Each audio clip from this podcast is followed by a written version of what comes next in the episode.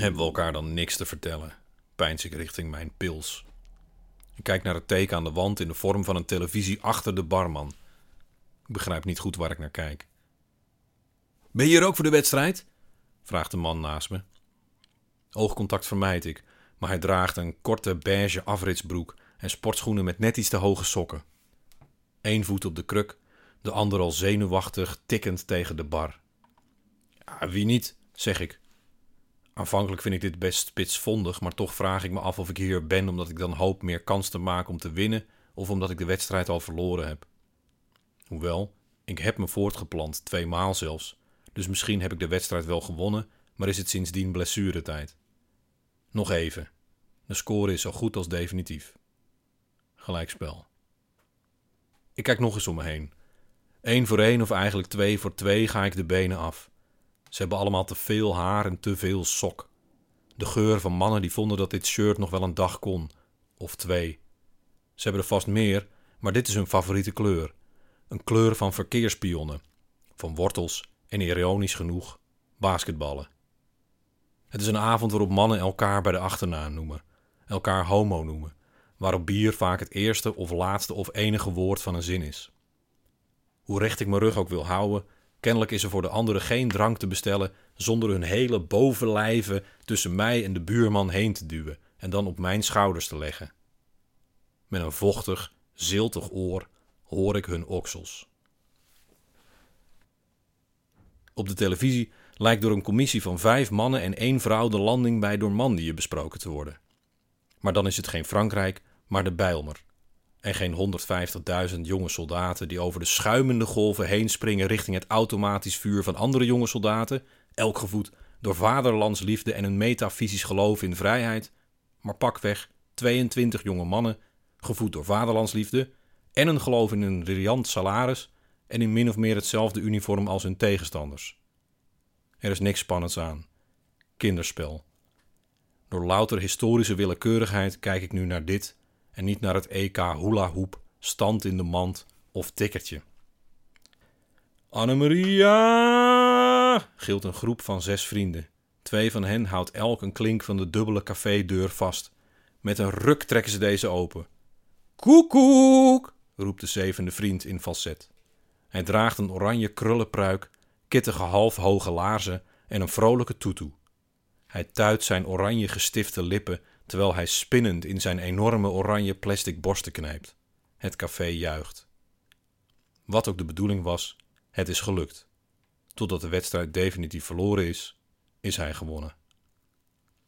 Biertje? vraagt de man naast me en hij wijst naar zijn en mijn lege glazen. Nee, niet meer, wil ik zeggen, maar ik wil de pret niet drukken, dus ik knik. Hij glimlacht en steekt twee vingers op. We krijgen twee volle glazen. We tikken de glazen tegen elkaar. Op de overwinning, zegt hij. Ik onderdruk de neiging om dat te duiden. Hij kijkt naar het scherm. Iemand zegt wat op het scherm.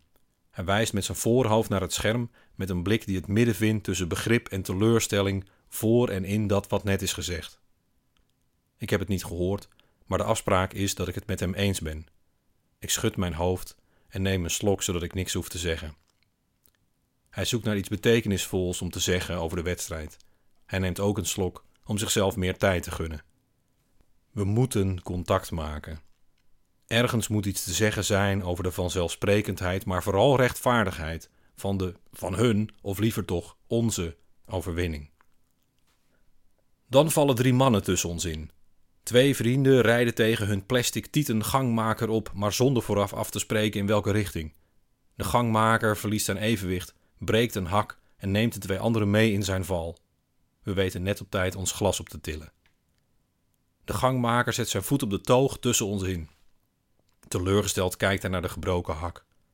Zijn aangespannen kuitspieren trekken de ruiten van zijn netkous verder uit elkaar. De zwarte haren springen er één voor één tussendoor. Zweet parelt van zijn knie over de lange benen langzaam op een dubbel gevouwen bierveeltje.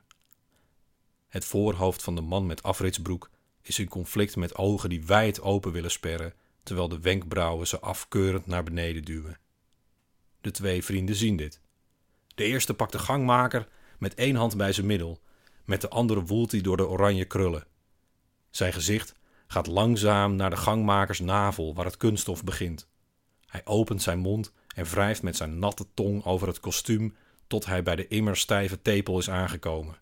Hij zuigt er grommend aan, als een tevreden reuzenbaby, totdat hij er met zijn voortanden net niet hard genoeg in bijt om het materiaal te laten barsten. De tweede vriend gebruikt één hand om de gangmaker in zijn toetoe te tasten en de ander om zes bier te bestellen. Zingend en lachend loopt het drietal terug naar hun tafel. Is toch niet normaal? vraagt de afritsbroek aan mij. Dat klopt, het is niet de norm. Ik zwijg. Ik knik. Hij draait zich terug naar de tv. Hij fronst. Wij zwijgen. Ik hoef het gewoon niet te zien, zegt de afritsbroek ineens. Ik ook niet, zeg ik, kijkend naar de tv. Maar ja, zegt hij. Ja, vraag ik. Ja, ja, zegt hij knikkend. Oh, vraag ik. Maar het wordt je natuurlijk wel door de strot geduwd tegenwoordig. Oh ja, vraag ik. Nou kom op, zegt hij, niet overtuigd door mijn twijfel. Kijk, wat mensen in hun eigen tijd doen, maakt me niet echt uit, toch? Nee, zeg ik. Maar je kan de deur nog niet uit of je wordt er weer mee geconfronteerd. Ik knik. En het maakt me geen reet uit of het een hobby is of een levensstijl. Hij maakt aanhalingstekens in de lucht bij het woord levensstijl. Ik doe dat ook. Hoezo moet ik er naar kijken? roept hij. Ik sla met vlakke hand op de toog en knik hevig. Die hele ideologie erachter slaat natuurlijk nergens op, zegt hij tussen drie slokken door. Ik kijk vragend. Ja, natuurlijk.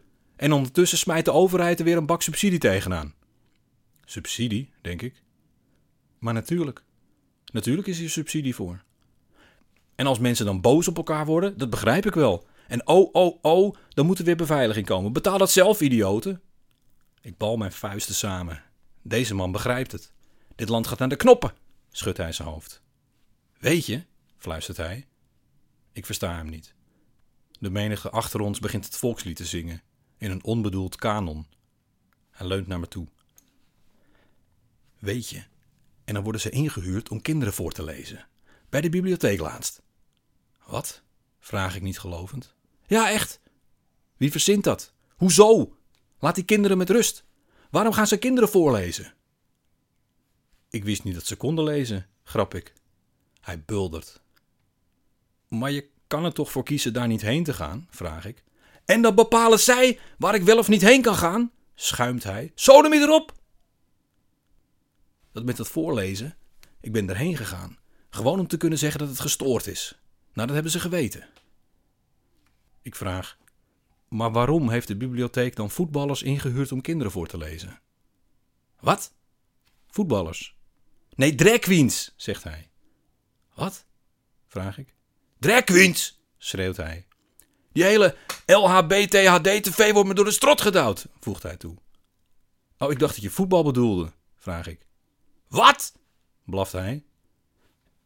Ja, die hobby, die gesubsidieerde gekte miljoenen aan beveiliging. Kinderen worden ermee geïndoctrineerd en je kan niet gaan of staan zonder ermee geconfronteerd te worden. Het wordt me door de strot gedouwd, zeg ik.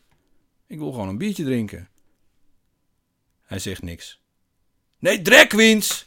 Die moeten wegblijven bij kinderen. Ze seksualiseren kinderen, zegt hij. Bedoel je dat je drag queens sexy vindt? vraag ik.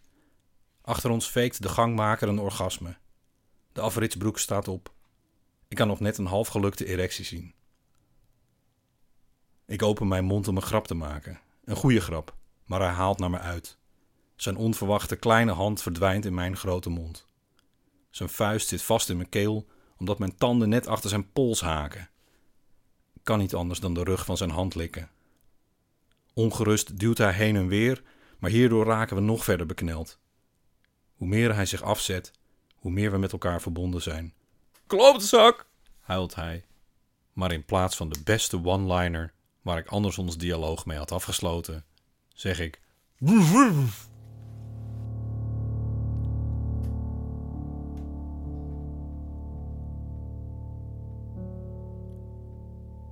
Nou, poe, poe, poe, poe, poe. Dit was Door de Strot. Een verhaal uit de reeks Zeg maar Bram. En kijk eens op doorklink.nl voor nog veel meer podcasts. En weet je wat? Kijk eens in de show notes voor mijn Instagram en Facebook, want daar is het pas echt gezellig. En als je toch bezig bent, laat een beoordeling achter op dit streamingplatform, want daar word ik op termijn natuurlijk stinkend rijk van. Nou, tot het volgende verhaal dan maar.